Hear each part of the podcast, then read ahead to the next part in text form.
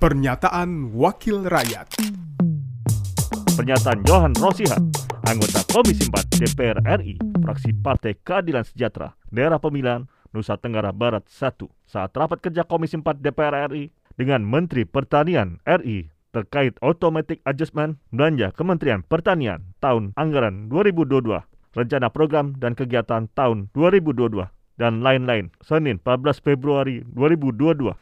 Saya ingin menegaskan saja, dan gambarnya sudah saya share ke Pak Ketua beberapa hari yang lalu. Ada pihak-pihak, ya, ada pihak-pihak yang membagi pupuk di luar apa ketika pupuk ini langka dan yang melakukan membagi-bagi pupuk itu adalah bukan anggota Komisi 4. Saya tidak tahu apa hubungannya sama Pak Menteri. Satu pulau kah, satu partai kah, atau apa gitu. Tapi di apa di akun Instagramnya itu bagi-bagi pupuk Pak Ketua. Kita anggota Komisi 4 yang bermitra dengan eh, apa namanya dengan Menteri Pertanian yang selalu mengatakan tidak mau meninggalkan Komisi 4. Kita gigit jari Pak Ketua dan kita dikomplain kalau gigit jari maksudnya ini dikomplain. Kok Komisi 4 tidak bisa kayak sebelah, misalkan gitu dia Pak Ketua.